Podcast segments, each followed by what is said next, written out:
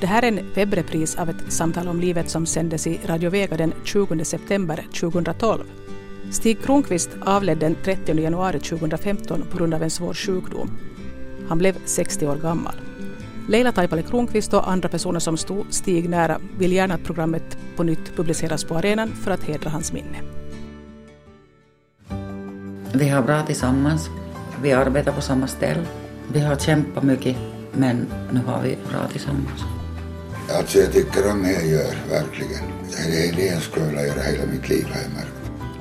Det här säger Leila Taipale Kronqvist och hennes man Stig Kronqvist som ni nu ska få höra i ett samtal om livet. Mitt namn är Ann-Sofie Sandström.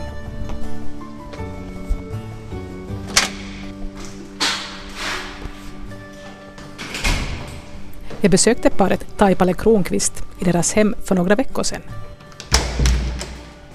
Hej! Hej och välkommen. Jag hade kommit i kontakt med Leila och Stigren i våras i och med att jag läste boken Mitt i verkligheten som dagcentret Hyddanen i Karleby hade sammanställt för att fira sitt tioårsjubileum. Leila är verksamhetsledare på dagcentret och Stig är frivilligarbetare. Och i boken har Stig skrivit öppenhjärtigt om sitt liv och sånt som han har gått igenom. Jag har inte läst den bokversionen på något sätt så jag ville ha paus nu, för att det var ganska tomt. Det blev en milstolpe i livet.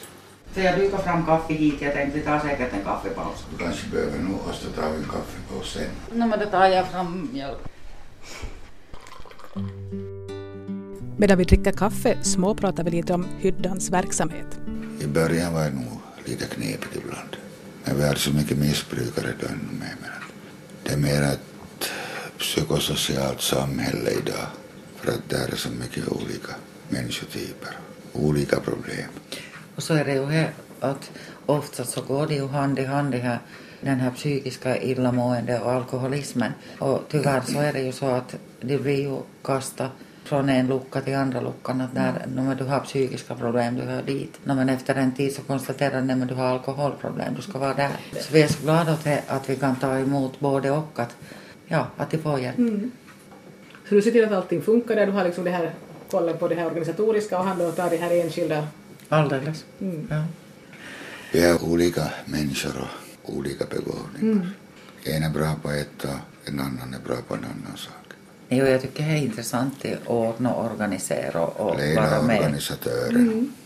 Men så hur mycket har du nu då, du, liksom, du är fortfarande sjukpensionär men det här gjorde du som frivillig arbete Ja, jag har gjort det i tio år. och du tycker att det är Ja, jättegivande. intressant. Så ni har båda egentligen hamnat sådär på rätt plats i livet ganska sent. Ja, ganska Så är det ja. Nu ska vi gå lite bakåt i tiden. För jag hade sagt åt Leila och Stig att jag gärna ville att de i tur och ordning skulle berätta om sig själva och lite om sin egen levnadshistoria. Och sen kunde vi gå in på hur de träffades och vad som hände sen. Jag är Leila Taipale Kronqvist och jag är född i Kauhava. Flyttade till Jakobstad när jag var sju år gammal och var uppväxt i en liten by där som hette Pölkky som var nära flygfältet. Men jag flyger inte helst fast jag är född där. Eller kanske just därför. Kanske just därför det var skrämmande de här flygplanen när de kom över huset. Eh, Vi flyttade till Jakobstad och en del av min uppväxttid som, som barn så har jag bott på Kyrkosand och faktiskt bott nära Stig utan att veta om det. Och den här Stig brukar säga att sen när jag blev i tonåren så var jag potatisland och min pappa med yxe i andra ändan så han slapp inte att hälsa på mig. Och det var ganska roligt att vi bodde så nära varandra. Hur kom det sig då att Leilas föräldrar flyttade till Jakobstad? arbete. Det var arbete som, som pappa och mamma fick i Jakobstad och så flyttade vi dit. Och så min lilla bror med då. Gick du i finsk eller svensk skola då? Jag gick nog finska skola Ja. för modersmålet är nog finska så jag har lärt mig, med åren så har jag lärt mig svenska så jag klarade mig. Och hur var din uppväxt annars då? Mamma var lite speciell. Hon, eh, hon var inte en mamma som tog en i famnen och var gulla med en och på det sättet. Hon var glad och allting var bara roligt och, och, och hon var nog bra hon också. Pappa var ganska hård så vi fick nog stryk med mellan, jämna mellanrum och, som hör till den tiden. Men jag hade en farmor som tog hand om mig när föräldrar var i arbete och Så min trygghet är min farmor och eh, liten vinstrum, vinstrum och hon läser bibel och aftonbön och sjunger åt mig. Så farmor var min mamma. Så när jag var 15 år så dog hon och det var nog jättestor sorg för mig. Vad hände sen? Ja, jag gifte mig ung. Jag var 16 år. Måste man ha tillstånd för att få gifta sig så ung då på den Ja, tiden? så jag hade papper var det var Kekkonens namn under. Så det är så länge sedan. Leila gifte sig första gången 1969 och jag frågar om det var ett planerat giftermål. Nå, vi förlovade nog oss förrän jag började vänta den här yngsta, Så eller du, äldsta ville, du, ville, du pojken. ville gifta dig så ung? Om jag ska vara ärlig så, så var det och att jag skulle hemifrån. För att pappa var ändå så hård. Och jag tänkte att eh, jag gifte mig så har inte han någonting till sig om mig och, och vakt mig på något sätt. Att, att han var ju så hård så vi fick ju aldrig fara till någon, till någon bar på en glass eller någonting för det var ju syndens näste och det var ju så man fick inte vara i stan med ungdomar för att det var ju synd och Alltså hörde till någon speciell sån här religiös ja, riktning? ja, fri, fri församling. Som var ganska sträng just då. Det var strängt där. Men var hade du träffat den här som blev din första man då? Nå, jag var i smyg i stan. Ja, så det var liksom i Så, smyg du så, träffade? träffade, ja, så träffade jag honom i stan. Jag tänkte att om Så man då då, var om jag du är så 15. hårt vaktad så måste det vara svårt att... Ja, då var jag 15 år gammal när jag träffade honom och han var 21. Så vi träffade varandra i stan. Äh, när jag ser i backspegeln den här att jag har gifta mig så ung så tycker jag då förstås att jag var ju alldeles för ung. Men å andra sidan så, jag fick ju tre härliga barn och de här barnen har blivit till folk så allihopa har bra liv idag. Underligt nog så klarade jag mig till, till att ta hand om de här barnen i alla fall fast jag var så ung att, att jag var ju just och just 17 år när den här första barn kom. Så han är ju över 40 idag. Hann du skaffa dig någon yrkesutbildning då när du var så ung när du fick barn? Nej, och det var det var som var tråkigt att, att jag som inte kunde studera genom att jag fick ju med ett år och tre månader mellan de här två första barn. Sen var det ju tio år emellan. Så jag hinner ju aldrig studera utan sen senare i livet så har jag studerat på egen hand och studerat med, med min nuvarande arbete så har jag ju studerat någonting. Men...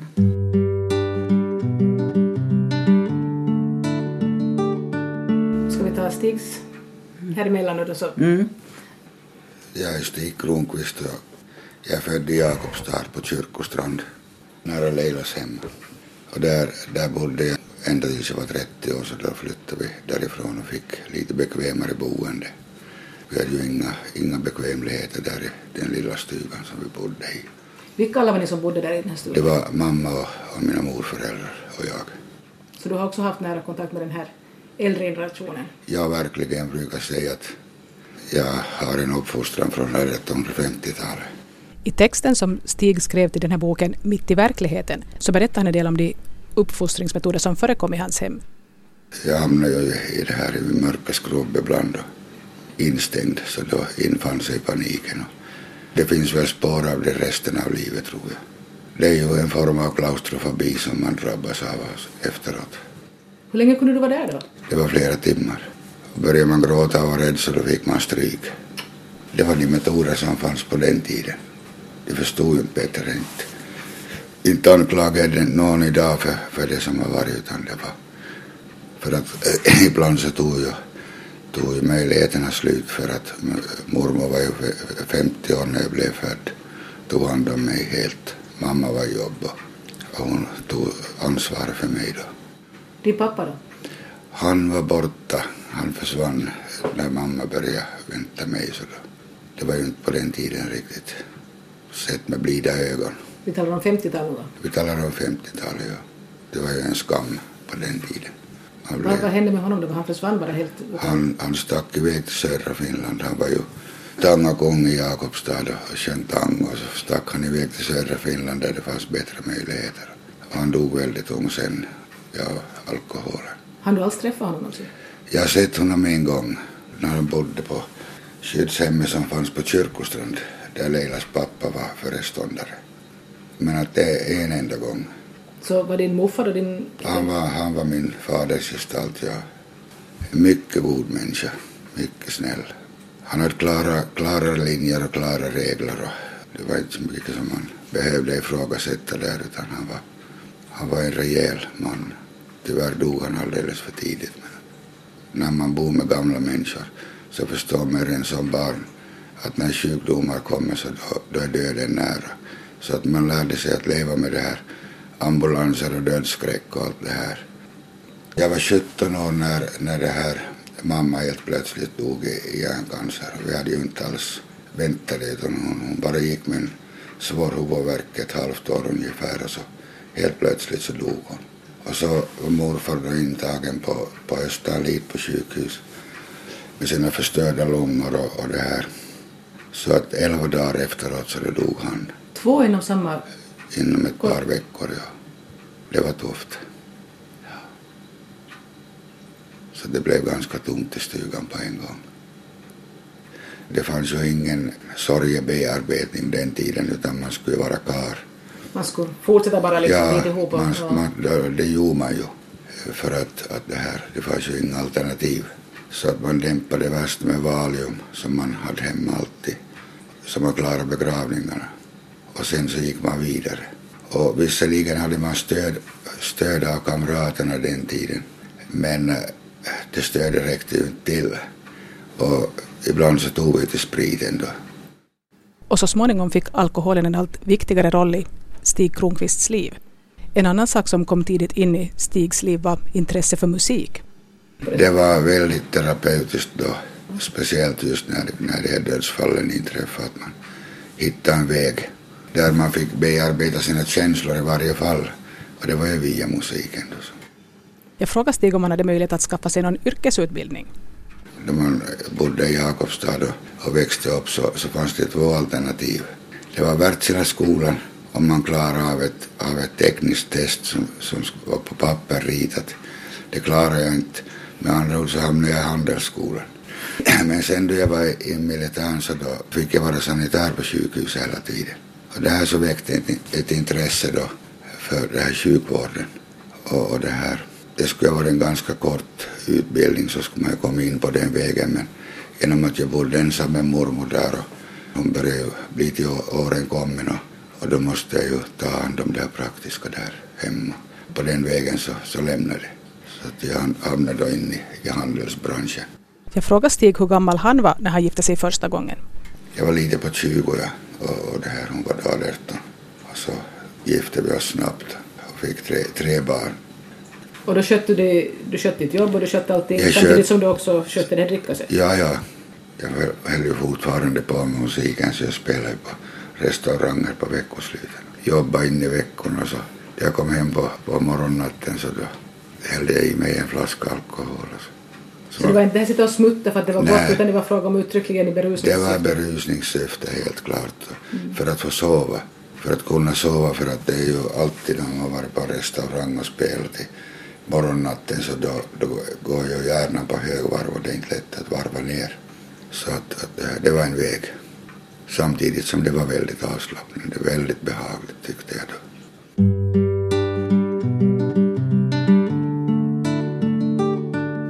hörde här tidigare i programmet att Leila Taipale Kronqvist och Stig Kronqvist växte upp ganska nära varandra i Jakobstad. Men de hann båda vara gifta på varsitt håll i många år och det hann bli 90-tal innan de träffades på riktigt. Vi bodde också i Såklot båda två på varsitt håll några kilometer emellan och, och inte träffade varandra där heller. Så ni visste inte ens om varandra? Nej, liksom... vi visste inte. Men sen var den här min yngsta son, så han blev kompis med, med Stigs söner. Och så började jag på det sättet. Så vi, vi hittade varandra via barnen. Och båda två hade ett olyckligt äktenskap. Jag hade varit 26 år gift så det tog ju jättelänge för jag gjorde den här beslutet då att ja men att vi ska skiljas. Det var jättejobbig tid den här tiden när vi, när vi hade träffat varandra. Eh, hade vi då den här uppfostran från barndom eh, vad är synd och och allt den här som Johe också att vi ville inte heller träffa varandra i synd, om man säger så. Så den här, vi, vi bara pratade med varandra och konstaterade att, ja, att vi vill leva tillsammans och så gjorde vi så att vi ordnade den här skilsmässan och så flyttade sen ihop, förlovade oss och flyttade ihop. Men den här svåra tiden runt omkring den här skilsmässan och barnen och allt det där, så där skulle jag behöva ha mycket stöd. För det kom ju, kom ju mycket konflikter och, och mycket eh, missförstånd och, och den tiden drack Stigen, så han drack ett år och den här tiden som vi var tillsammans. Och jag var inte heller van med det för att jag hade inte blivit van med, med alkohol på det sättet att min pappa slutade dricka när han var 40 års åldern, att han drack ju någonting då men han slutade helt. Och min ex så, han drack ju bara någon gång, som man nog gjorde på 70-talet. Att eh, när man hade gäster så tog man lite.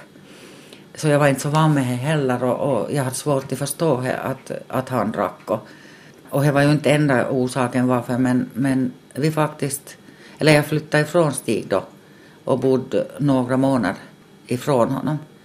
Och det var nog svår tid, det var svår tid för oss båda två. Det tar sjukt ännu idag till tala om med hur jobbigt det var att vi bodde ifrån varandra. Men nu idag så tror jag att vi behöver den tiden. Under den tiden så hade vi kontakt med varandra, ringde åt varandra och pratade. Och, och jag var någon gång och hälsade på honom till, till Nykarleby och han var till Jakobstad. Jag flyttade då till Jakobstad. Men den tiden när vi bodde ifrån varandra med Stig så, så hade vuxit den här tanken hos honom att okej, okay, att jag slutar med Rikkas. Att jag, jag häller bort allt. Jag kom bara som på en gång. Så det var inte du som sa att antingen väljer du spriten eller så väljer du mig? Mm, jo, nu säger han ju här att jag kommer inte ihåg själv heller, men han säger att jag, jag sa åt honom att du är alkoholist. Ja, men jag tror att det var nödvändigt. Det var nödvändigt att höra det, för ingen hade sagt det. Fast du nog hade anat det själv? Ja, mina misstankar. Ja. Men jag tror att det var väldigt hälsosamt att någon vågade säga det här ärligt. Det väckte ju en, en där tanke i varje fall, att så är det ju. Men jag måste ändå fråga en sån sak, jag blir lite nyfiken. Alltså, visste ni genast när ni träffade varandra att det var att det den här människan borde leva med? Ja. Att det var liksom... Helt ja. Det var med samma. Det var inget tvivel om det, att det är rätt. Från båda hållen? Mm. mm. Så är det. Men det måste vara jobbigt då när man inser att nu har jag äntligen hittat den människan jag vill leva med, ja. men jag är gift med någon annan. Ja, ja det är hemskt. Ja, det var verkligen hemskt. Mm. Men ni var ju modiga som kunde då på något sätt reda upp i alla fall. Jag menar, många människor så kan inte hantera det utan det blir bara något sånt här roddas och så blir en massa människor olyckliga i alla fall men man får inte heller varandra. Som jag sa tidigare här att vi, vi vill inte leva på det sättet heller att, att vi skulle ha träffat varandra på ett sätt som i smyg och, mm. och sånt utan vi, vi vill vara ärliga. Och, och hur enkelt går det nu i smyg om man bor på någon liten inte ort? Inte en liten ort, nej. Och jag, som jag sa här att vi skulle behöva få stöd sen. sen när vi... fanns, fanns det då någon sån där familje... Familjerådgivning? Säkert fanns det, men vi förstod inte i sök. Men efter en tid när, när Stig hade blivit nykter och, och vi flyttade tillsammans då till Nykarleby tillbaka och, och den här, men vi, vi gifte oss först. Jag trodde hundra procent säkert på att han är nykter. Han slutade direkt. För Stig är en sån person att när han säger någonting, han lovar någonting att jag gör det, så gör han och håller det som han lovar.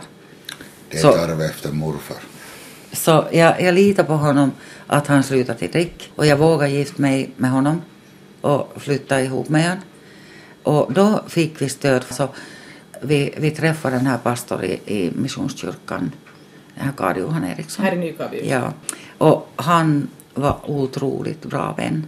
Gav mycket stöd åt oss. Vi fick berätta om allt. Så vi kunde nog sitta två, tre, till och med fyra på natten kunde, kunde vi sitta med honom och, och gå igenom allt svårt. Men att han, han var en stödperson. Samtidigt som man fick en, en insikt i, i det här, i tron. Ja, tron ja. Jag frågade Stig i vilket skede han kom till tro. Nu fanns det ju från barndomen någonting. Men var det något speciellt tillfälle som du faktiskt då... Ja, det var nog det. Det kom en natt när jag satt och drack öl faktiskt. Det var just den tiden det var från varandra. Och vad hände då? Jag hällde bort alltsammans. Jag konstaterade att nu måste ske en förändring. Och den förändringen måste, måste jag få hjälp med. För att jag förstod att jag var fast i alkoholen. Jag hade inga alternativ. Jag brukar säga efteråt att det var mitt personliga kraftiga beslut att nu är det slut på det här. Och så fick jag kraft och, och stöd av Gud. Det var den vägen som det blev för mig. Hur kändes det när du fattade beslutet? Det var skönt. det var en lättnad. Det fanns aldrig någon sån där, om jag skulle bara ta insug till? Eh, det finns en kort period. Men de som har, har det här studerat alkoholismen så, och kan det här biologiska så de, de där påstår ju att efter tre månader så är man ju biologiskt fri från det, från beroende då. Mm. Men att sen det här psykiska beroende så det är en helt annan sak och det sitter väl i kanske resten av livet. Men att det bleknar, det går att komma ur det. Leila då, i vilket skede kom tron in i hennes liv? Jag hade varit med den här tidiga ungdomstiden, 10, 12 år, 13 ännu så var jag nog med i pingstförsamlingen i Jakobstad för att föräldrar var ju där.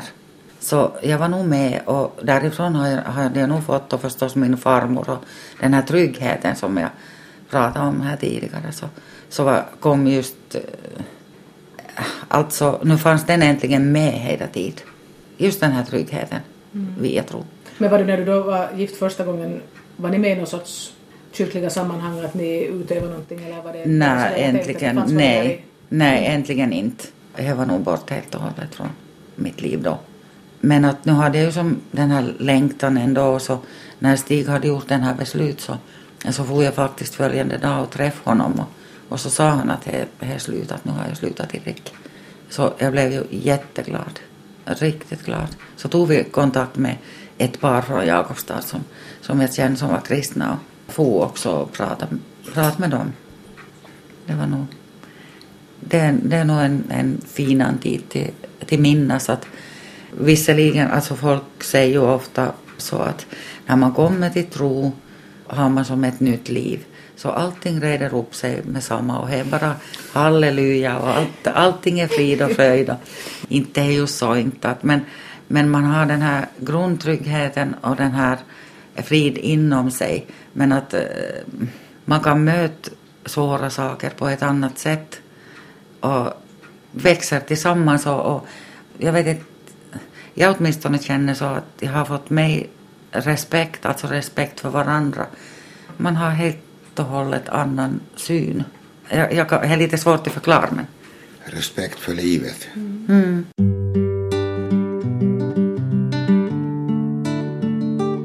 Det var år 1997 som Leila Taipale Kronqvist och Stig Kronqvist gifte sig. Det var också det året som Stig blev nykter. De bosatte sig i Nykarleby. Vad jobbade ni båda två med på den tiden? Vad gjorde ni? Jag var sjukpensionär, ja. För jag fick problem med hjärtat och infarkt och, och så, så blev jag, eller först höftopererad och så. Så att jag var ju, jag var ju egentligen sjukpensionär då. Jag var arbetslös men så fick jag arbete inom hemservicen så jag var som en kortare tid men att jag var där i alla fall. Jag var ju, alltså missionsförsamlingen här i stan så hade ju då ett litet loppis som jag var engagerad i då för att, för att få tillbaka de här sociala möjligheterna och kunna vara med folk för att det är ju alltid svårt när man är druckit. Och det blev mer och mer av det här så att jag var egentligen varje, varje vardag där då och hjälpte Karl Johan då som var pastor, pastor mm. då, och ansvarig för det här. Och vi måste nu göra en lång historia kort men det här ledde så småningom till att det grundades ett dagcenter i Nykarleby där Stig har jobbat frivilligt under alla år och så småningom blev Leila anställd som verksamhetsledare. Jag sa en gång åt en att, att den här är ju mitt kall. Så sa han åt mig att men inte kan du ju säga att den här är kall när du får lön för det.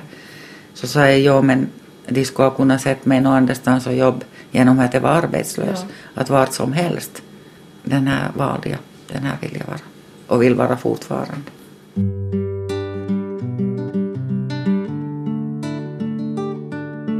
För ungefär fem år sedan fick Stig Kronqvist cancer och det här ledde till att han började må jättedåligt psykiskt. Det var nog faktiskt en svår tid och just den här att man känner sig så hjälplös när man kan ju inte hjälpa. Jag var ju förstås med alla sjukhusbesöken och, och, och operationstider och allt det där så har jag ju varit med Stig till Vasa. Så den här alla läkarbesöken och allting. Men cancer är ju en sån sak som man kommer ju som så nära döden. Så blir det här eh, självmordstankarna och, och allt det där runt omkring och jag förstår att han är inte enda som har det när det är frågan om så svåra sjukdom som är. Just angående det här det här självmordsförsöket som, som jag gjorde under det här cancern så, så det här, jag ansåg mig själv ganska medveten om vad, vad, vad som var på gång och jag förstod ju. Men att det blev för mycket helt enkelt. För att man dras mellan hopp och förtvivlan en längre tid. Och jag vill inte gå igenom de här behandlingarna och elände. Eller jag orkar inte. Mm. Det var inte frågan om vilja utan det var frågan om att kraften var slut. Det hade pågått ett halvt år i varje fall, avan, avan. Det är cancer och det är inte cancer och det här är ingenting. Och är det cancer så är det en, en långsamt växande cancer. Avan, avan, till, till olika läkare. Avan. Ingen gav riktigt klart besked och man visste inte riktigt vad det handlade om. Och så skulle jag doppa in på det här radiojod behandlingen. Ja, det var, alltså det var, var sköldkörteln eller vad var det? Ja, de opererade bort den helt. Det var den som var, det var där du hade cancer? Ja, som hade spridit sig i lymfkörtlarna i halsen. Och så, så det här försöker de då med det här radiojodbehandlingen och det är ju jobbigt för att man är ju isolerad då i tre dygn. Och det var tanken på den här tredygns som fick Stig att fatta ett drastiskt beslut? Det var det, var det som utlöste alltsammans. Så det beslutade att inte... Nu tänker du inte göra? Nej. Jag vet inte varför jag vaknade, för vi skulle tidigt upp på morgonen och vet inte varför jag blev väckt lite förr än vad klockor skulle ringa. Och ändå så var det ju tidigt att det var ju sex på morgonen när vi skulle stiga upp. Så jag vaknade och så la jag på kaffe och så tyckte jag att allting var så konstigt. Och Stig låg på soffan och det brukar han aldrig göra. Så tänkte jag på mig, nej, han är medvetslös. Och så såg jag, han hade skrivit ett brev. Så såg jag på bordet och så ringde jag direkt ambulansen. Och det kom ju snabbt och kunde som, jag, jag såg vilka burkar han hade tömt och kunde som berätta så hade kontakt med läkarna. Alltid där så de, de visste vad de skulle göra med honom. Men det var nog svårt. Jag, jag gjorde så då att jag tog kontakt med en läkare direkt i Nykarleby som har läst psykologi också. Jag tog kontakt med henne och så tog jag en tid åt mig så jag fick fara och prata. Och samma gjorde jag med Stigs dotter som är yngsta av alla barn för jag tyckte att det var, det var så jobbigt för henne. Att inte vi visste nog ännu om han lämnade att leva eller inte. Och det var så pass Ja, det var så nära. Ja. Men äh, vi fick ju, fick ju hjälp då han, han blev ju blev ju intagen på avdelning sen när han kom från intensiv och, och jag var där och hälsade på honom. Och, och vi pratade igenom den här och, och, så har vi en sjukskötare här i stan som, som kom också och hälsade på och pratade med personalen och så Stig slapp ju hem efter. Men han fick vara på den där avdelningen och bekant sig till stället vad han ska eh, till den här radiojodbehandling. Så att han fick som se den här stället så var det lättare för honom för han sa det att han kommer till fara på Och där igen såg jag den där att när han lovar så håller han. Och så äh, doktorn i Vasa så gjorde så bra med Stig på det sättet med den här diskussionen efter den här när han tagit överdos. Och så frågade han ju Stig att behöver du någon medicin? Jag antar att det är slut. Så, så, och så flinade han. Och så sa han, jag ska skriva sådana tabletter åt dig för jag förstår att du behöver. Och så skrev han hundra tabletter. Och det var så stor en sak för Stig att det är någon som litar på mig. För de hade ju haft sina diskussioner förr och, och han visste säkert den här läkaren att han kommer till klarorden här nu. Så, så han visade att han har förtroende för dig? Liksom. Alldeles. Ja. Så det var, det var nog fint gjort av läkaren. Ja, det var proffsigt. Och sen när det väl var dags för radiojodbehandlingen så klarade Stig av det. Med mycket möda och stort besvär. För det är inte lätt. Det kan jag tro. Med min bakgrund så är det inte lätt. Just det isoleringen, det påminner för mycket om, om barndomen. Att där märker man ju vad, vad man kan åstadkomma med, med sådana saker. Fredag gick rätt bra för att det är ju alltid över ett veckoslut som man är där. Men så lördag kväll, en fem, sex tiden, så då kom paniken. Och han berättade här doktorn att det har varit sådana fall där de har fått föra hem människor helt enkelt med specialbil. Men de klarar inte av det? De klarar inte av det. Men att då, då det här, det har tydligen varit in, intagen någon, någon dam med, med det här långt svart hår där i rummet så jag tog en, en det här strategi då för det var lite dåligt städat i rummet så jag började plocka de här hårstråna och söka dem på golvet. Och det här är ganska typiskt när man, när man är på isolering för att jag faktiskt läst om det här. Att man tar till, till det här märkliga, märkliga planet för att överleva det här. För att inte, inte gå helt till lås. Och det funkar? Det funkar. Så jag, jag hade en sån där väldigt primitiv städningsmetod men det funkar. Så att ångesten släppte det och så blev det småningom söndag.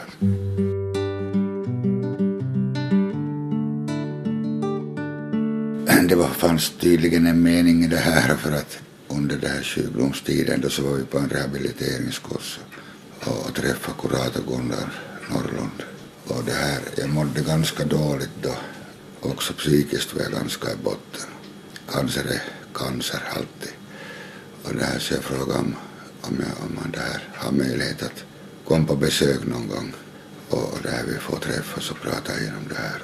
Så han var ju, han var ju villig att komma. Och jag minns så väl när han var första gången hit hem till oss och hälsade på oss. Jag var så nervös så nervös. Så du hade insett att du ville ha liksom någon att prata med? Du kände att det fanns saker som du ville ja, bearbeta? Ja, det fanns, det fanns massor. Och det här, han, han, han var väldigt väldigt engagerad och vi träffades varannan vecka. Det var flera timmar i gången. Så det blev en intensiv terapitid. Och vad, hände med dig under den tiden? Det hände massor. Jag mådde väldigt dåligt mellan de här sessionerna som vi hade och, och det ska man ju göra första tiden. För att man, man kan ju inte tänka på någonting annat än det då som man har gått igenom och pratat om. Och bearbe- hade egen bearbetning.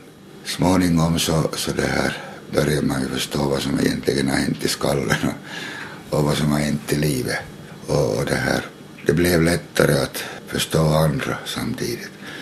Och, och det här Gunnar hade böcker hit, bokbackar som jag läste igenom, och tröskade igenom. Jag fick hjälp av Gunnar. Vi hade också som familjeterapi. Så hade jag lättare, och lättare till, till förstå, och förstå den här Stigs eh, psykiska illamående det var lärorikt på alla sätt och det som jag sysslar med där på dagcentret idag så är ju är där samtalsstöd. Så när du stöd åt andra nu, ja, först fick du själv stöd och sen ja, är det den som ger åt andra? Det är så. Och Gunnar så, så det här fortsätter med det här. Så han är som din stödperson han fortfarande? Min, han, är, han är min stödperson fortfarande. Mm. Så att, att vi det här mm. samarbetar kring klienterna också om det är svårare fall så då får jag ringa honom. Det finns ju inte intressantare än andras problem. alltså jag tycker om det jag gör, verkligen. Det är det jag skulle vilja göra hela mitt liv har jag märkt. Men, men tur att du kom på det. Ja, men jag börjar bli lite på senare sidan. Du skulle inte ha haft samma erfarenhet att kunna kanske förstå hur andra människor har det om inte du skulle ha gått igenom allt du gått igenom? Det, det märkliga med det här är ju, är ju den saken. Att varför ska man måste gå igenom alla svårigheter som finns för att kunna förstå andra? Så, men jag, jag, egentligen så hittade jag svaret ganska enkelt. No. Eftersom man har stint att förstå och inte fattar allt vad man läser så betyder det att man ska ha praktik först och sen tar vi teorin som en bekräftelse på att jag gjort rätt.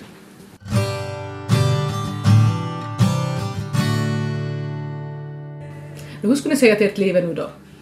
Säga som, som uh, Hydnans bok heter, att mitt i verkligheten. Ja. Det är ju verkligen så är mitt i verkligheten. Men vi har bra tillsammans. Vi arbetar på samma ställe, men i olika rum i alla fall.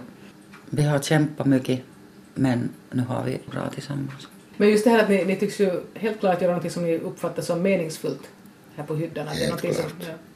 Som, ja. Det har blivit en livsstil för oss också att, att nu har ju mycket av så kallad ledig tid som, som går till här att vi genom att vi träffas inte så mycket under dagarna på jobbet när vi gör olika saker så då diskuterar vi veckos, veckoslutet kvällarna så går vi igenom tillsammans saker som... Jag brukar ha time-out klockan tre så då ska vi börja sova. Då ska följande dag vara färdigt planerad. Vissa gånger men inte alltid. Men det händer. Mm. För det är mycket praktiska saker runt människor som ska ordnas. Men ni börjar ha en viss erfarenhet nu när ni har hållit på med det här ganska länge? Att ni kan Nog liksom...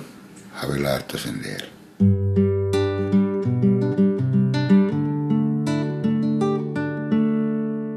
Vilken roll spelar tron i den här verksamheten som de nu håller på med? Det är liksom det som är grunden. Det är inte någonting som är märkvärdigt utan det bara finns där i grunden. Det är ingenting som vi predikar så mycket om heller. Utan speciellt i de här enskilda samtalen som jag har med människor så, så mynnar det lätt ut i, i det här själavård i slutändan. Sen vi har byggt upp förtroende så kommer det frågor om tron och sådana saker. Men det är ingenting som vi tvingar på någon eller basunerar ut så väldigt mycket om utan det är vår livsstil. Och det finns människor som har, har skador av, av det här, andra troende människor. Och då väcker det bara motreaktion. Det är helt onödigt. Det är var och ens personliga val hur man vill, vill leva sitt liv. Vad man tycker är rätt och känns bra. Det är var och ens rätt att välja. Ni har hört Leila Taipale Kronqvist och Stig Kronqvist i ett samtal om livet.